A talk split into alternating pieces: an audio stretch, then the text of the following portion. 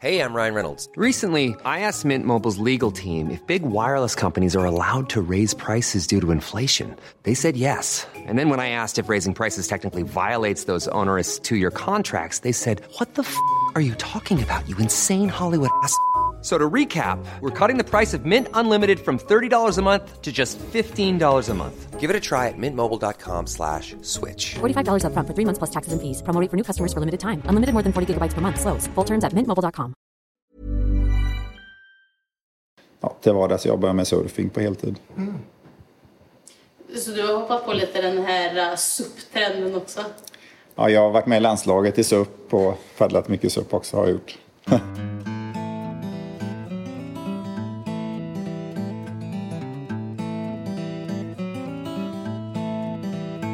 Hej och välkomna till Sveriges i särklass sämsta ölpodd, Sjätte ölsinnet. Vi sitter i detta nu och avnjuter en nyfunnen favoritöl, nämligen en Pale Ale. Skål på det! Skål! Ja.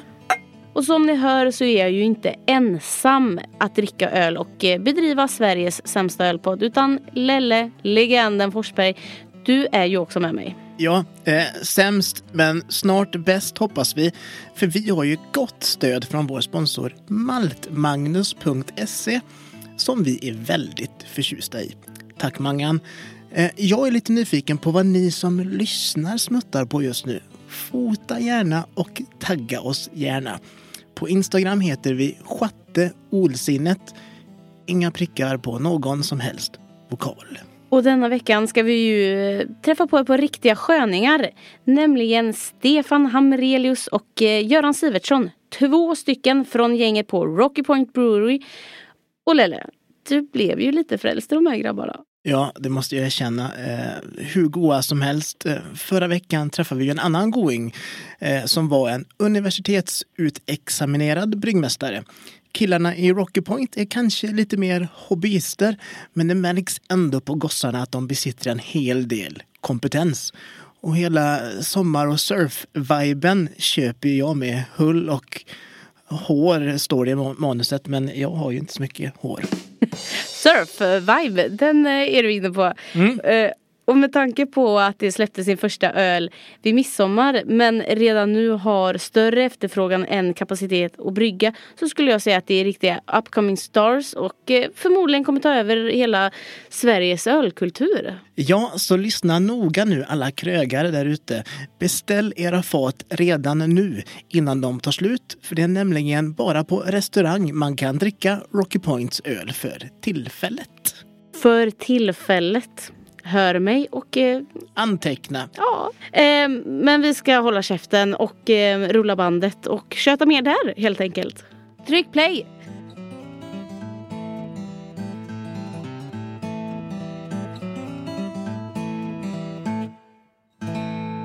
Stefan Hamrelius heter jag. Eh, jobbar till vardags på Telia men har det här som ett sidoprojekt tillsammans med några vänner här i Åsa. Att eh, driva ett bryggeri.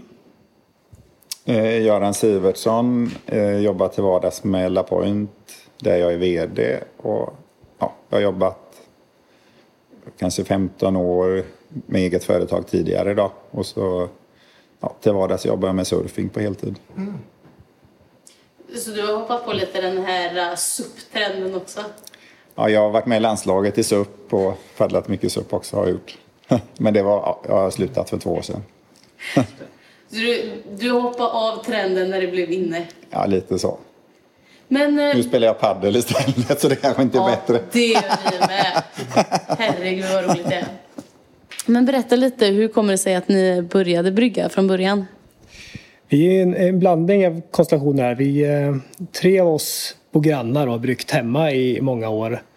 Eh, Göran hade aldrig bryggt innan men hade en kompis som hette Anton som hade bryggt ännu längre. Så att eh, det var Göran som parade ihop gänget lite här och sen hittade vi lite andra folk på vägen också. Och, eh, vi är åtta stycken är vi totalt då, som driver här och äger det tillsammans.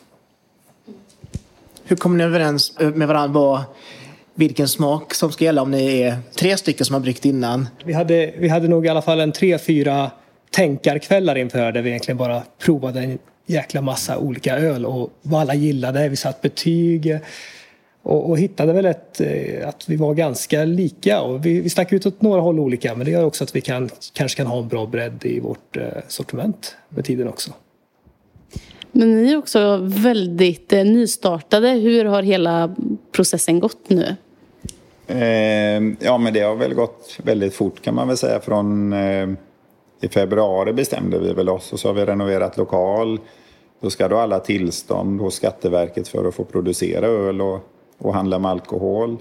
Så, eh, så vi var ju precis till midsommar och det sa vi väl som en kul grej. Kan vi få en öl klar till midsommar då har vi gjort eh, det så snabbt vi kan och det var ju precis vad vi, vad vi hann med då.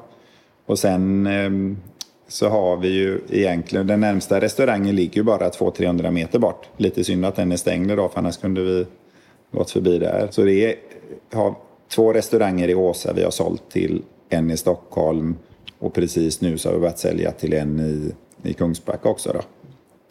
Men ölen säljer slut fortare än vad vi hinner göra den så det är hela tiden så är det tomt i vårt lager. Ja. Ja. men det ibland blir det lite stressande också. Vad heter, vad heter den eh, första batchen? Ja, Åpa var vår första då, en Åsa Pale Ale. Vilket var lite fyndigt och kul. Få med sig eh, lokalbefolkningen på ett bra sätt. Och, eh, så det har mottagits väldigt bra här. Eh, både i Åsa men även runt om i Kungsbacka också. Så att, eh, ja, men superkul. Och det är en, en, ett recept och en öl vi är eh, väldigt nöjda med och eh, har bryggt ganska många batcher av nu under sommaren. Här, så att, eh, populär. Har det varit svårt att få eh, batch efter batch att eh, smaka likadant eller har ni styr på det? Jag skulle säga att det är väldigt... Eh, jag menar med tanke på att man är helt nystartad så var det ett orosmoment helt klart. Men det har varit väldigt, väldigt bra. Sen är det också pyttelite... Ibland kan man ju ändra, justera något litet i receptet. Eh, och sen så har vi ju två olika märken på tankarna och så är det klart att Just åpan tycker jag har varit väldigt, väldigt jämn kvalitet. Medan session-IPan den har vi kanske justerat originalreceptet. Ja, det beror på vad man har gjort en justering eller inte också under tiden.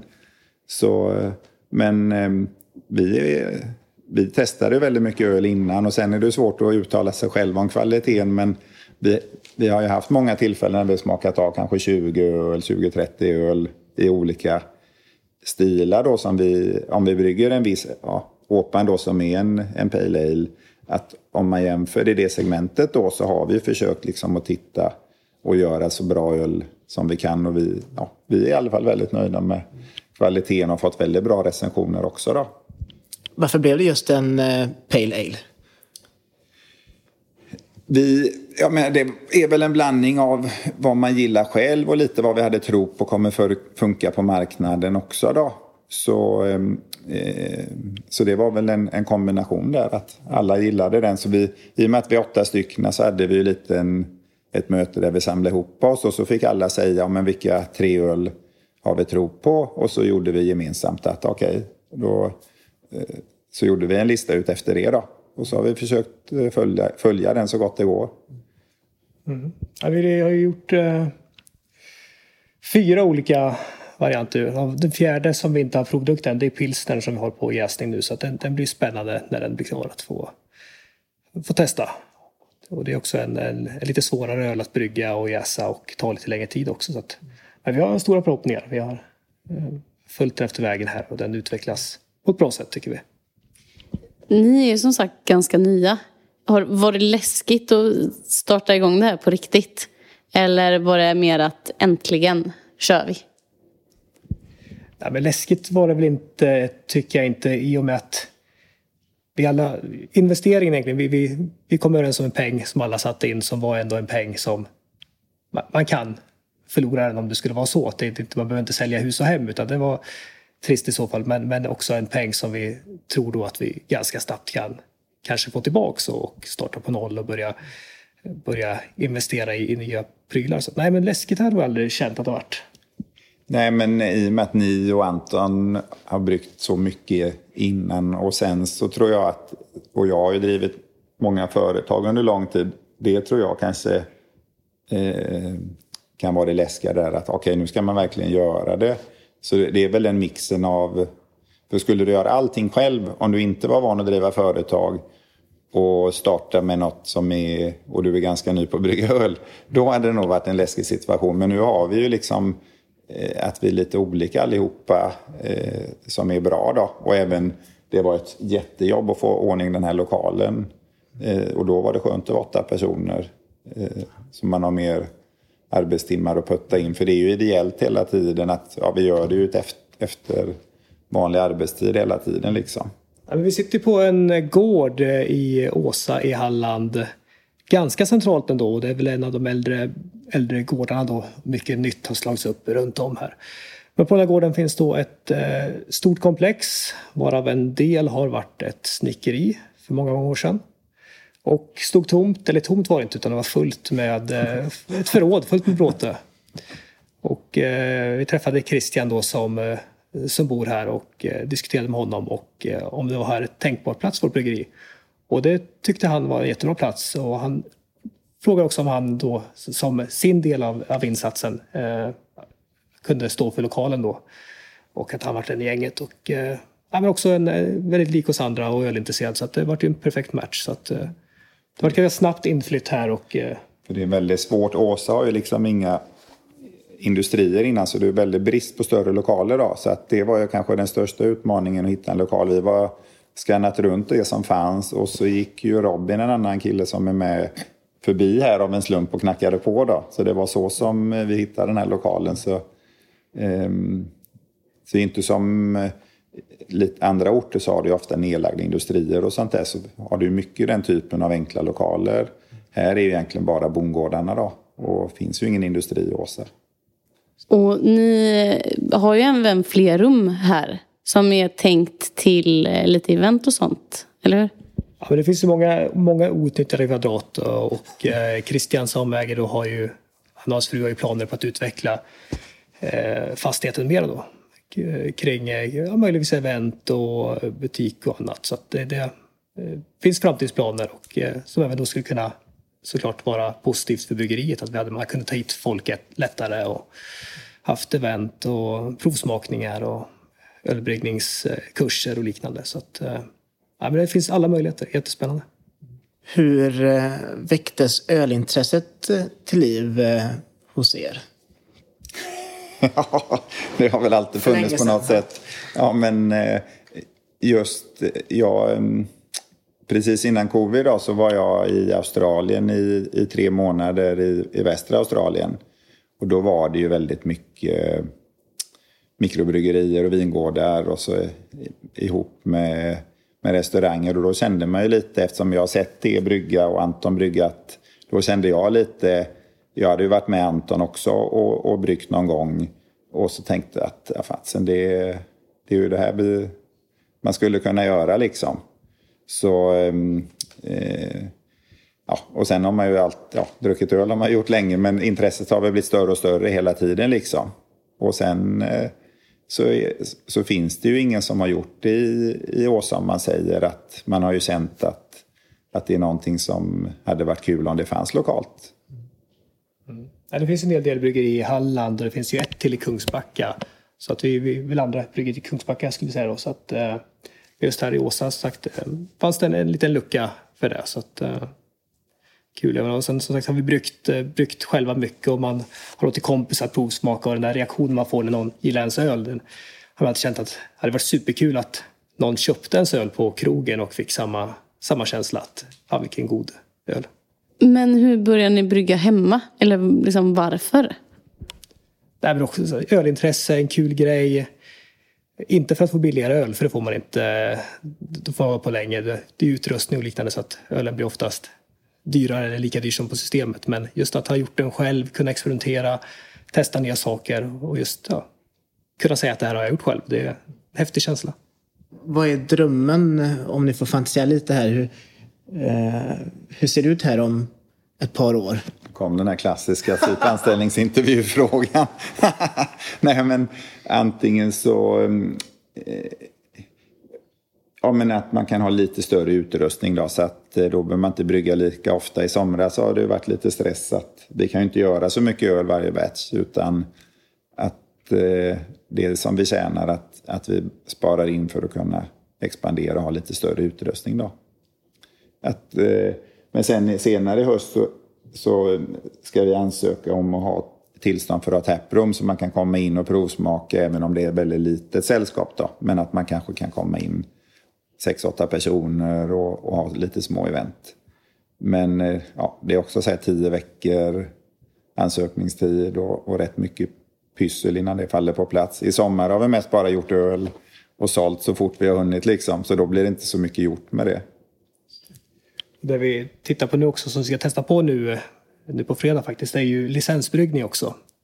Att eh, vi testar att hyra in oss hos ett annat bryggeri, att låna deras utrustning under en dag och att hyra ett, eh, ett kärl och att, de, att vi får göra en, en batch där. Så vi ska till Akia på fredag. Akia det är det andra Kungsbackabryggeriet då, som har hållit på i många år och väldigt duktiga. Så att där, eh, dit ska vi på fredag och eh, brygga en batch på 1000 liter av våran åpa. Så att, eh, det blir lite häftigt också att testa på det. Och det kan också vara en framtidsdel att man kombinerar egen lite större utrustning men att man brygger hos andra bryggerier också för att eh, hitta, hitta den eh, samverkan. Vad är syftet med en sån licensbryggning? Är det för att göra en stor batch och få lite avans på det och kunna investera här eller är det för att knyta kontakter eller vad? Vi hinner ju inte göra så mycket som restaurang eller som efterfrågan är idag. Och då blir det ett sätt att kunna testa nya recept då, och inte bara brygga samma recept så mycket vi hinner varje gång utan eh, då får vi lite lugn och ro och så kan börja kanske göra en, två nya ölsorter. Och, eh, och så, det som vi tjänar då blir ju det ett överskott som vi lägger till, eh, till framtida utrustning då. Men det är ju hela tiden det är ju vårat recept så att vi lånar ju egentligen bara utrustning för att brygga. Och i hela branschen så är det ju så det funkar att har du mer efterfrågan innan du... Annars är det ett par miljoner investering och det steget blir ganska stort. Då. Och gör man det på hobbynivå och att det ska vara kul, då, då är det bättre att göra så här. Så blir det, ja, då gör du det när det finns efterfrågan istället för att köpa massa prylar och så skapar du det stressmoment liksom. Så, mm, det, så har vi i alla fall tänkt att det är bästa vägen framåt. Bra grej att det finns att göra så. Ja, det kan vara vårt bryggverk på det här eller att vi kanske går upp lite i storlek med att man gör ja, testa nya recept som sagt, göra lite limited editions, specialöl och sen de som funkar och behövs mycket av. Det går man till ett större bryggeri och eh, kör i större batcher då. Så att, eh, det är en liten kombo. Och det är väl en, eh, den närmsta utvecklingsplanen vi ser. Sen får man se om många, flera år så att, att vi går upp ännu mer i storlek och gör de här grejerna själv. Men som ett enkelt första steg på vägen eh, från att gå från litet till lite större så är det en smidig, smidig lösning. Vad är de eh, nästkommande smakerna som ni vill testa på nu? Vi har gjort en, en American Pale Ale, vi har gjort en Session IPA, en Golden Ale och en pilsner. Och vad stod som nummer fem på listan? Var det... Ja, nu var det väl en mer klassisk IPA, var det det vi hade sagt? Vi har ju vår långa lista, men jag blir osäker på i vilken ja, ordning. En, en, en vanlig IPA, vi har pratat om eh, någon New England IPA också. Stout har vi med ganska högt upp på listan också, att göra någon uh, spännande där. Vi har fått förfrågan från restaurangen här om julöl, så vi får kanske titta på det lite grann här också med lite kryddor och grejer. Något som kan passa in till julbordet. Vad skulle den heta? Ja, det... Ja, vi jobbar länge på att få fram namnen, så det är ingenting vi bara spottar ut. Det, får, det måste verka fram våra, våra namn. Det, men det hittar vi nog bra också, absolut. Ni har väldigt fina kepsar och tröjor på er. Eh, tanken är att vi ska få fram mer för att kunna ha med på om vi, om vi besöker en restaurang för att servera och prata om vår öl eller om vi är på en mässa och liknande. Så vi ska faktiskt vara med nu tillsammans med ett gäng andra bryggerier här runt om på Tjolöholms skördefest här i september. Och ja, sälja våran öl och eh, även då kunna sälja lite merch samtidigt till de som vill ha och stötta lite extra. Försöker ni få folk medvetna om eh, vårt öl finns? Eh, stick till Systembolaget och skrik och gapa efter. Systemet är ju en, eh, ett tillstånd till då, som ska göras. Så det är också en process vi har börjat kolla på nu.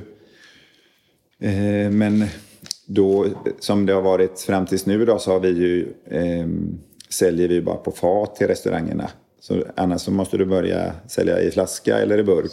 Och då går också arbets, med, ja, arbetstiden dubblas ju nästan kan man ju säga från att du står en, en hel dag och tillverkar ölen så skulle du nästan stå en hel dag och paketera den då i burk eller flaska, vilket man vill göra. Så att vi, vi är väl en liten bit bort för att ehm, eh, innan vi hinner med det då. Men det är ju liksom med i, i planen att vi ska få till i början på nästa år och komma in på systemet. Är det ett inköp ni behöver göra då eller har ni maskiner för eh, paketering? Vi har, eh, du, ja, man ser en eh, eh här, ja, vi kan kika sen. sen ja. Eh, men den är inte färdiginstallerad då, utan eh, Testkör då. Ja. Ja. En burkmaskin har vi investerat i och burkfyllare till det så att vi ska kunna börja testa lite med. Och det, är också, det är också en process att lära sig att få det bra, att den ska hålla sig bra på burken. Så att testkör lite här för att sen kanske gå live i, i början på 2022 med det och ta sig in på systemet. Så att nu nå ut till folk så först och främst vill vi nå ut till folk som kan komma till restaurangen och dricka vår öl. Så det har varit mer närområdet, eh, Kungsbacka, Varberg. Eh, men sen såklart absolut, det finns på systemet och på, förhoppningsvis på beställningssortimentet att kunna nå ut mera att folk runt om i landet kan eh, kunna hitta oss. Absolut. Vi hittar ju via sociala medier, så det kanske var en dum fråga. Klart det finns där nu. Ja. ja, för det är där vi håller till i Facebook och Instagram än så länge. Så att, och det, ja, men det, det delas ju hej friskt och taggas och allting. Så det ändå, funkar ju bra i, just i, i närområdet och så. På det sättet har det gjort. Mm. Men eh, ska vi ta oss en liten tur? Mm. Det gör vi. Det gör vi. Vi är ju här i förrummet nu först då och vi har ju vi börjar med innan vi går in och brygger allt det så har vi vårt omklädningsrum med toalett och liknande där. Så här byter vi om till arbetskläder och fixar till så vi håller alla miljö och hälsoregler. Viktigt. Så vi får behålla våra tillstånd där. Ta oss vidare till lokalen. Eh, sagt det är ganska nytt eh, här också så att vi ser här lite lastpar och grejer. Så det är också mycket testa sig fram. Vilka höjder passar bra? Vart ska grejer stå? Och vi flyttar runt och testar hur man får det som är effektivast arbetssätt innan vi ja, spikar hur det ska se ut eh, helt och hållet. Då. Så att, eh, känn oss lite fram. Eh, jag har ett bryggverk. Står här. Bryggverk på 150 liter. Vi får väl ut cirka 5 till 6 stycken 20 liters fat. Så att det försvinner en del i jäsning och liknande. Men runt 100-120 liter per bryggning får vi ut. Så att om vi jämför då så vi pratar om 1000 liter på licensbryggning så 10 arbetsdagar här eller en arbetsdag där, det, det är där man får jämföra lite grann. Men ett eh, jättebra bryggverk och vi eh, håller jämn och bra kvalitet. Enkelt att jobba med. När vi är klara har vi våra gästtankar. Fem stycken gästtankar på 150 liter styck. Just nu har vi eh, tre stycken fulla va? Precis, tre fulla och två tomma och en, en av de tomma ska fyllas upp imorgon då med en session nejpa. Så vi har i, på tavlan här bakom ser ni hur vi har gästank 1, 2, 3, 4, 5. Vad är i dem, vilka olika moment som är gjorda och liknande. Och eh, till slut när de är fatade och färdiga där ser vi två namnförslag också. Ja, ja precis. Det är, där får man fylla på med nya, så det kan fylla på om ni har några bra förslag där. Så det, när man kommer på något smart så skriver man ner under där. Och sen ser vi vad vi landar i till slut. Ja, precis. Så vi har Åpan och sen har vi våran eh, session NAPA som heter Stenudden Early Session. Och sen har vi våran eh, Golden Ale som heter Goodest Gold. Och sen är pilsnern kvar då som ska namnges här innan den kommer ut. Vad innebär session? En session? En session, en session är en eh, lite lägre alkoholhalt. Det gjordes väl för arbetarna förr i tiden för att de skulle kunna ta sig en öl och fortfarande kunna gå rakt på jobbet. Så att istället för en eh, lite starkare så drack man en session IPA eller en session NAPA. Ja. Så att det, det, det, det är en... en ja, precis. Nej, men det är, ju en eh, IPA eh, fast då eh, håller väl procenten 4,7 istället. Så att det har varit en riktigt storsäljare i sommar där att man kan dricka en god välhumlad öl men ändå ganska lätt och svag och man kan sitta där i solen och ta en eller två utan problem. There's never been a faster or easier way to start your weight loss journey than with PlushCare. PlushCare accepts most insurance plans and gives you online access to board-certified physicians who can prescribe FDA-approved weight loss medications like Wigovi and Zepbound for those who qualify. Take charge of your health and speak with a board-certified physician about a weight loss plan that's right for you. Get started today at plushcare.com slash weight loss. That's plushcare.com slash weight loss. plushcare.com slash weight loss. Quality sleep is essential. That's why the Sleep Number Smart Bed is designed for your ever-evolving sleep needs. Need a bed that's firmer or softer on either side? Helps you sleep at a comfortable temperature? Sleep Number Smart Beds let you individualize your comfort so you sleep better together. JD Power ranks Sleep Number number 1 in customer satisfaction with mattresses purchased in-store. And now save 40% on the Sleep Number limited edition Smart Bed for a limited time. For JD Power 2023 award information, visit jdpower.com/awards. Only at Sleep Number stores or sleepnumber.com. Vart är budgeteringsutrustningen? Säger man så? Eller burk? Burk. Här har vi burkmaskinen. Så att det är manuellt arbete. Eh, inte vart vi har. Ja. Burk, burk på här med ett lock. Fälla ner så det inte stänker ögonen och sen dra upp den och trycka på knappen så snurrar den inte och valsar, valsar fram. Och det har ju också varit en, en lång diskussion i gänget. Ska vi ha burk? Ska vi ha flaska? Och kollat runt lite med restaurangen också om de vill ha. Det, det är väldigt olika. Men vi har väl landat i burk till slut. Det, det känns modernt, eh, miljömässigt bra. Eh, håller bättre kvalitet än flaska. En, en kapsyl kan alltid släppa igenom lite grann. En valsning håller bättre. Påverkas inte av solljus och sånt heller. Så att, eh, vi, har valt, jag tror vi har valt att gå med burk i alla fall. Vi har köpt burkmaskin i alla fall, så så pass har vi valt. Så att eh, tanken är som sagt att komma igång med det här efter årsskiftet. Eh, och det är lite ansökningar där också, gå med i Pantamera och de här delarna som, som man behöver göra där också. Så att eh, få lite streckkoder och så burkarna kan pantas sen återvinnas. Det är viktigt. Kostnader att eh, skaffa alla de här licenserna och tillstånden? Allting kostar pengar. Det är det. Det tråkiga är ju att Pantamera så är det en fast avgift oavsett om det är Spendrups eller Rocky Point. Då. Så det är en anslut, fast anslutningsavgift oavsett om du säljer 100 burkar eller 10 miljoner. Och det är på kalenderår, det är därför vi väntar till januari. Nu tänkte vi så att vi inte betalar den för några månader här, utan så att i januari drar vi igång med burkar i planen. Uh, nej, så det blir spännande också att kunna leverera på det sättet också. Lite kring burkdesign och den här delen också som blir lite viktiga då. Vem kommer få designa den? Ja, det blir spännande att se. Det är också vilket håll vi går åt. Ja, så vi kan visa egentligen. Jättegärna! Vi får väl ta fram... Där Eh, står en tavla med lite olika. Vad är det tänkt på det? ja, där är ett litet Är det bara att Så vi har, eh, lite. Antons, Antons bror, Anton som är hans bror, jobbar med design och de delarna. Så det är han som, egentligen, han, han som har tagit fram vår logga och, och eh, ja, grafiska profil. Då. Så att han hjälper oss. Vi, vi kläcker ut sina idéer och sen gör han verklighet av det. Och lite bättre än vad vi kan göra i våra huvuden. Så att, eh, nej, det är häftigt. Och sen, eh, så det vi håller på med lite nu också parallellt då att se hur ska, hur ska burken till våran åpa se ut? Hur ska burken till våran session IPA se ut? Ja. Vilket håll vill man gå? Vill man gå på lite enkelt? Det, det är väldigt mycket design och art och så på burkar nu för tiden. Vill man åt det här hållet eller vill man ha lite rent? Det är, Hur skulle ni beskriva era, våra lyssnare ser ju inte det, hur skulle ni beskriva er grafiska profil? Somrig skulle jag säga. eh, vårt varumärke. Då. Så det hoppas vi att man får lite den känslan och även som ehm, några av namnen är ju lite stränder eller runt om i Åsa lite surfinspirerade namn.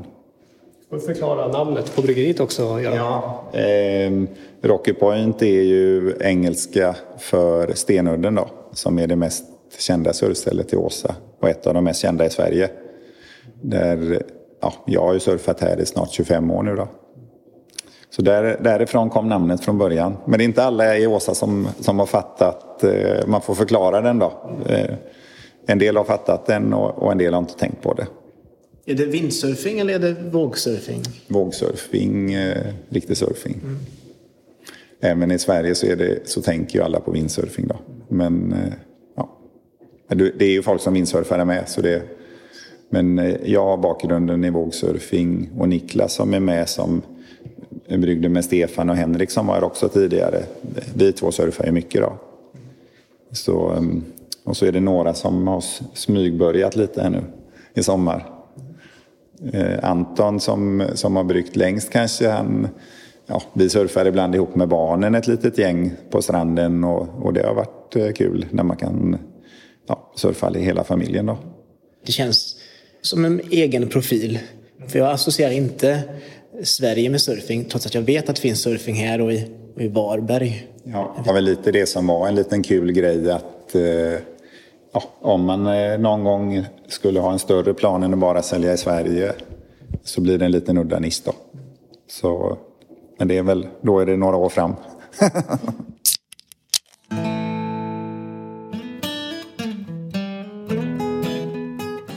det här avsnittet är vi fortsatt sponsrade av våra vänner hos maltmagnus.se tillsammans med AIB.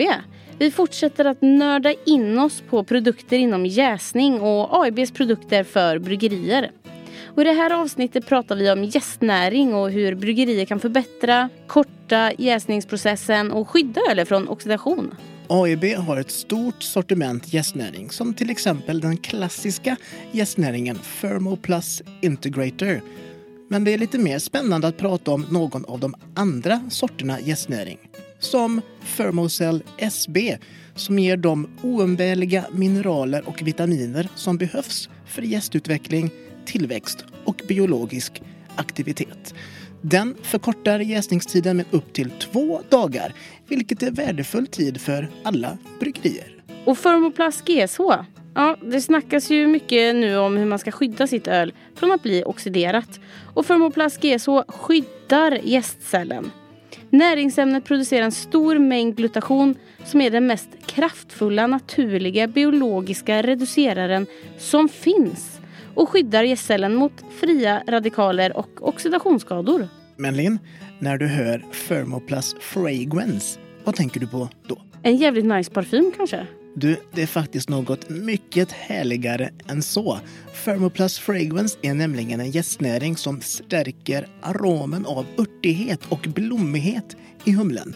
Perfekt att använda när man vill ha ett fräscht, aromrikt och elegant intryck i sitt öl. Sexigt. Men vill man istället förstärka tropiska frukttoner som i en härlig New England IPA är Thermoplast Fruity det absolut enda valet. Både Fruity och Fragrance används med fördel med gästen Thermobrew Fruity eller Thermobrew Fragrance för bästa resultat. Är du sugen på att förbättra och förstärka kvaliteten på ditt öl i ditt bryggeri? Använd då rabattkoden TRYAEB, T-R-Y-A-E-B, så får du 20% rabatt vid ett köptillfälle på AEBs sortiment hos maltmagnus.se. Koden är giltig till och med 31 december i år. Tack Mangan!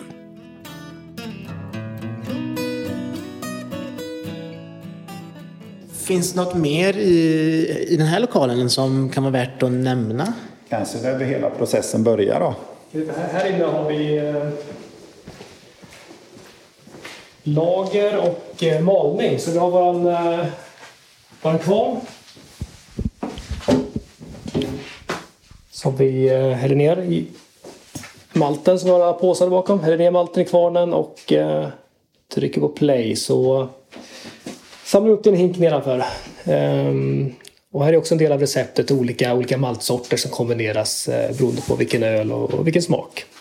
Så nå- en basmalt, en pilsnermalt eller en, en pale ale-malt eh, till största del och sen lite specialmalter i kombination med det beroende på det recept. Här är det fixat för imorgon då får ni se hur det ser ut här. Hur eh, viktigt eh, är råvarorna när ni brygger? Superviktigt. Det, det, det ska vara bra grejer. Eh, Just i, i malten får man ju utbytet av mycket smaker men även sockret och som sen bildar alkoholen. Så att, jätteviktigt. Och vi testar på lite olika fabrikat här också för att se mm, olika utbyten och vilka som ger bäst och, mest. Då. Sen har vi ju humlen, är ju superviktig. Att den är fräsch och färsk och, och eh, inte har tappat smak eller doft eller blir gammal. Och just rätt kombination av humlesorter. Det finns ju massa olika humlesorter. Så att, eh, Har ni något tänk kring hur eh, råvarorna? Ska vara lokalt producerat eller ekologiskt? Eller är, har du kommit så långt? Vi har ju en maltsort här som är från Halmstad, Vikingmalt. Så vi testar ju den och sen testar vi även en, en brittisk malt här så vi jämför lite grann och ser lite vad de eh, skillnader. Humle är ju svårare. Det finns ju viss eh, humleproduktion i Sverige men eh, just i de här väldigt humliga ölen så är det mycket amerikansk humle eller humle från andra varma länder. Så att, eh, eh inte sagt att det inte går att köpa svensk humle men det finns kanske inte jättemycket av det och eh, lite dyrare säkert också. Eh, och sen har vi gästen och, och den är ju kör vi just nu olika typer av torrgäst då som eh, strös över den ljumna vörten sen. Så äh, men de tre... Där ser, där ser ni hur faten ser ut som går till restaurangerna. Då. Precis. E- Engångs petfat då så att äh, det är det de flesta kör nu. Så att äh, inte behöva hantera pant och tvätta fat och risk för infektioner där utan det är ett nytt fat varje gång och sen återvin, återvinns de som PET. Jaha. Vi har några tomma står utanför som vi kan titta på sen också. Så det är en, typ en bag in a box i en stor PET-flaska. Mm. Så, Smart. mm. Ja, men enkelt. Och sen sista ingrediensen såklart vattnet. Det är ju superviktigt. Och där är också eh, väldigt skillnad på vart, vart man tar vattnet ifrån och sen hur man vattenbehandlar det. Så att, vi har ju vatten från Lygnen som är väldigt fint vatten. Eh, och det är väldigt bra också med den licensbryggning vi pratar om, Akia, som också har sitt lygn, vatten från Lygnen då, så att vi blir lätt att få likhet där då. För det påverkar mycket av vattnet också. Du får hit det eller det- det lastas och fraktas? Nej, det är kommunalt vatten från Lygnen. Så att vi har det i kranarna har vi. Så att det, Det är jag som lokalkännedom. nej, nej, men Lygnen det är en Kungsbacka, en stor sjö här i Kungsbacka som eh, allt, allt Kungsbackas vatten tar till. Det är ett väldigt fint vatten och Kungsbackabarnen har väldigt lite hål i tänderna. Det är väldigt bra vatten på det sättet med rätt fluorhalt. Eh, Om det är sån undersökning som ja, Sveriges bästa vatten eller topp fem. Så det är väldigt bra vatten då. Och i, i slutändan så är ju om det är 5% alkohol och 95% vatten så, så kommer ju vattenkvaliteten att spela stor roll hur hela ölen smakar. Jag är, från början är jag faktiskt kemiingenjör så jag jobbar mycket med vattenrening innan då. Innan jag startade och med surfing på heltid. Så det var min bakgrund. Eh, så jag är lite nördig kemiingenjör i forskning och utveckling. En konkurrensfördel då att ha tillgång till Sveriges bästa vatten. Precis, absolut. Nej, och sen är viss vattenbehandling också. Man, man justerar pH-nivåer och magnesium och kalcium och annat. Så att det, eh, man, får en, man får en profil från sin kommun. Vad, vad har man för vatten? Vad är det för pH-halt? Vad är det för eh, olika ja, andra mineraler? Så kan man kompensera upp vissa delar beroende på recept också. Vattenverket testar om det är en gång i månaden eller så, så läggs det upp ett, eh, ett testresultat hela tiden. Sen ändras det ju inte jättemycket då på det här vattnet men eh, ja, så det har de väl skyldighet att, att tillhandahålla om man säger. Men det är skillnad inne i Göteborg eh, om man eh, kvaliteten på dricksvatten. Då tycker ju inte vi som kommer härifrån att vattnet är gott om man säger. Eller det är väldigt stor skillnad i smak. Sen, ja, så vi är glada för att ha så bra vatten.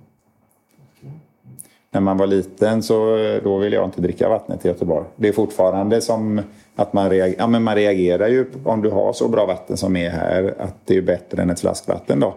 Och så får du en annan, en annan vattenkvalitet så reagerar man ju på att, ja, att vi har fantastiskt fint vatten.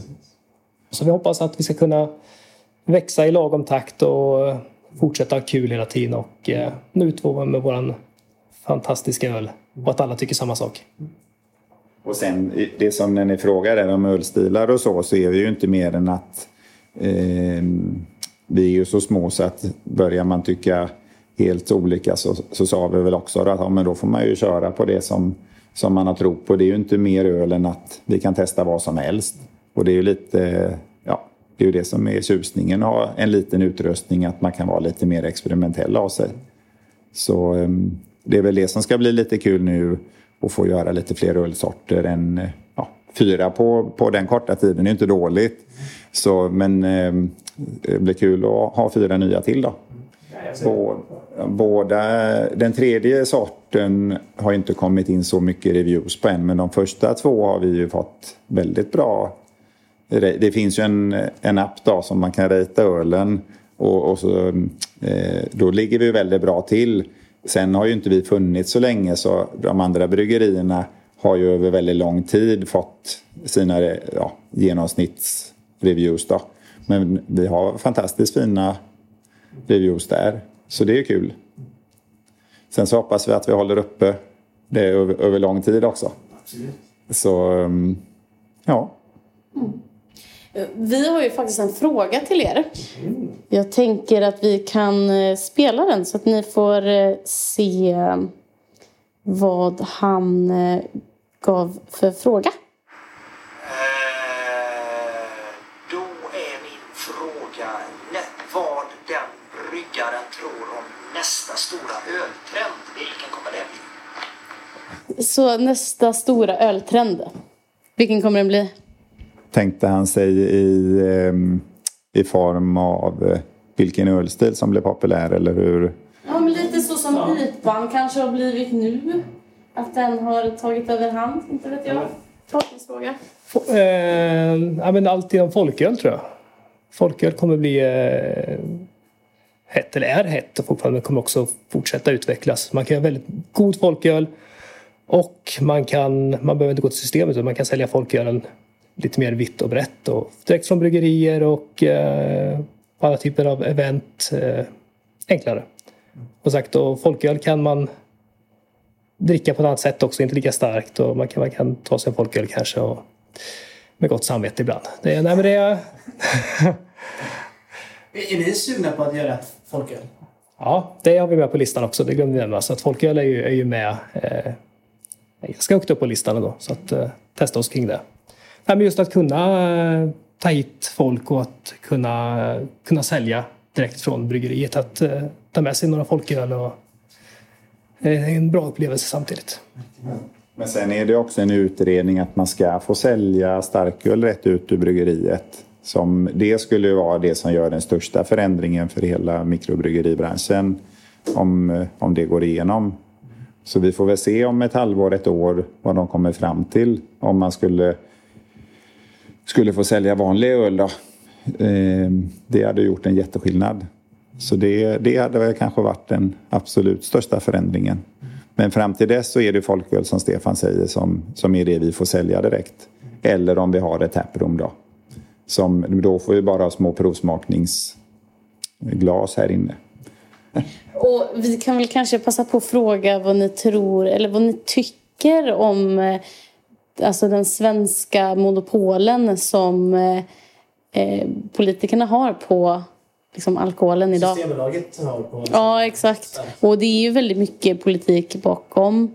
Och sådär. Vad tycker ni kring det? Nej, men jag, är, jag är försiktigt positiv till det. Det kan nog bli fel att ta bort det helt. Utan vi har, systemet har oftast många bra ölsorter och man får ett brett sortiment. Och som litet bryggeri så kan man ta sig in ganska lätt också på närmsta systemen. Så det, det, är alltid positivt. Sen, sen borde det kunna finnas någon kanal till under viss reglering, absolut.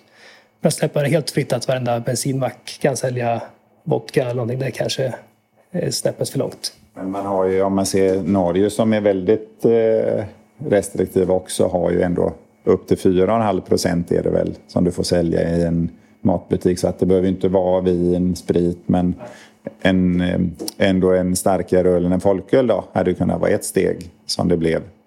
Eller, eller gårdsförsäljning då, rätt eh, från bryggeriet i kontrollerad form. Det hade ju varit det som var mest positivt för oss. Det är både marknadsföring, ingen kommission och, och leveranser till systemet så slippa köra runt. Det är ju mer Ja, nu ibland så pratar man så mycket engelska i jobbet men mer eh, eh, ja, miljötänket är ju bättre. Kunna ha direktförsäljning ut ur bryggeriet då istället för att du ska köra det till Örebro, och centrallagret på systemet och sen ska det distribueras ut därifrån istället för att vi fick sälja direkt härifrån då. Mm. Alltså, det är ett sätt att nå ut i alla fall. För det finns ju en risk, samma som det med krogarna idag, att, att krogarna skriver avtal med de stora jättarna och bara får sälja deras märken eller till största del deras märken. Så att, eh, det är också en, en, en del som kan, skulle kunna slå om det vart fritt. Att det blir samma sak i butiken, att butiken har avtal och inte blir svårt att komma in. Men det, det är svårt att säga. Det är bra och dåligt. Ja, men även, även den är ju under utredning, eller de är ju anmälda. Eh, Carlsberg som egentligen blockerar. De slår ju egentligen det fria... De slår konkurrensen ur, ur spel om man säger. För de går in och så lisar de ut utrustningen till, till tappen. Och så, ehm, så måste 80 procent av allting vara deras ölsorter. Och då blir det väldigt svårt att komma in som ett litet bryggeri. Nu har vi lite tur då för att flera av de närmsta kunderna här är inte låsta i sån, den typen av avtal. Så då har, det varit lite, då har det varit enkelt för oss. Men med en del restauranger så är det jättesvårt att komma in för då sitter de fast i ett ekorrhjul och, eh, och får inte ta in andra ölsorter. Då. Så, så det, det, är också alltså, både gårdsförsäljningen och, eh, och den här utredningen är ju någonting som hade påverkat hela branschen väldigt positivt om det blir en förändring där. Ja. Problemet med det är också att, att, att de stora avtalen är ju att istället för att konkurrera mot Carlsberg så konkurrerar vi småbryggerier mot varandra. Istället för att mm. vi alla, alla hade kunnat samverka på en som restaurang så måste de välja någon av oss istället för att de inte fått in tillräckligt. Så att det eh, blir... Det är lite kul faktiskt för en, en lokal restaurang här har sagt att nästa år så, så slutar han med alla större bryggerier och så blir det tre mikrobryggerier som får leverera allting till restaurangen. Så man ser ju ett form av trendbrott också. Och det kanske är lite svaret på den mm. frågan som, som ni ställde förut. Att, att eh, om restaurangerna tar sig ur lite det här monopolet och ger chansen till fler mikrobryggerier och, och leverera en större del av deras eh, inköp om man säger. Då är det inte en specifik ölsort men det är ändå en, en skillnad i ett trendbrott. Då. Hantverksöl istället för ja. stora mainstream. Ja. Ja. Så det skulle väl, och det, så, det har ju varit så hela tiden. Eh, i, men in mot restaurangerna är ju lite blockerade då. Mot privatperson så går det via systemet och då har du den här trenden. Men restaurangerna har lite varit upplåsta. Så om det kan ändra sig så, eh, så skulle det vara väldigt positivt. Då.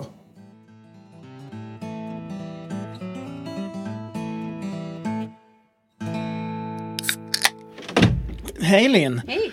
Har du varit ute i det mysiga höstvädret? Mm. Ja, med chips. Vill du ha?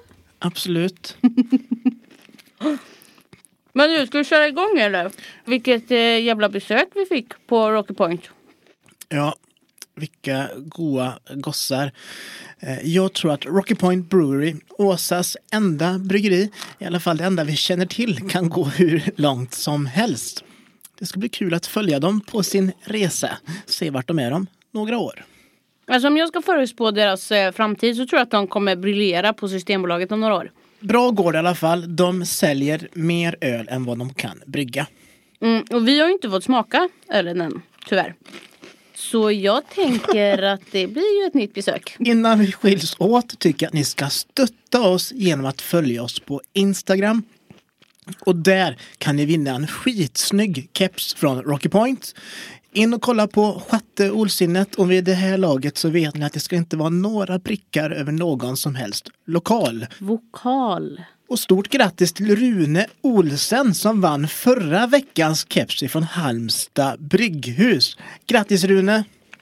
Kung är du. Tack för stödet. Baggens Beer eller någonting liknande hette han och han skötte sig exemplariskt. Och gör man det, då får man en keps. Mm. Och är det så att ni nu mot förmodan tycker att vi är Sveriges enda och bästa podd kan ni alltid gå in på Katli slash chatte ålsinnet shop. Ehm, där hittar ni merch. Vi har ju släppt merch. Mm, länken finns även på Instagram och Facebook så att eh, det är ganska lätt att hitta länken om man nu känner för det. Men eh, med det sagt ska vi sluta köta, äta klart chips och eh, vi ses igen nästa vecka. Simma lugnt men inte allt för lugnt. Don't drink and drive. Imagine the softest sheets you've ever felt. Now imagine them getting even softer over time. That's what you'll feel with Bowl and Branch's organic cotton sheets. In a recent customer survey, 96% replied that Bowl and Branch sheets get softer with every wash. Start getting your best night's sleep in these sheets that get softer and softer for years to come. Try their sheets with a 30-night guarantee. Plus, get 15% off your first order at bowlandbranch.com. Code BUTTERY. Exclusions apply. See site for details.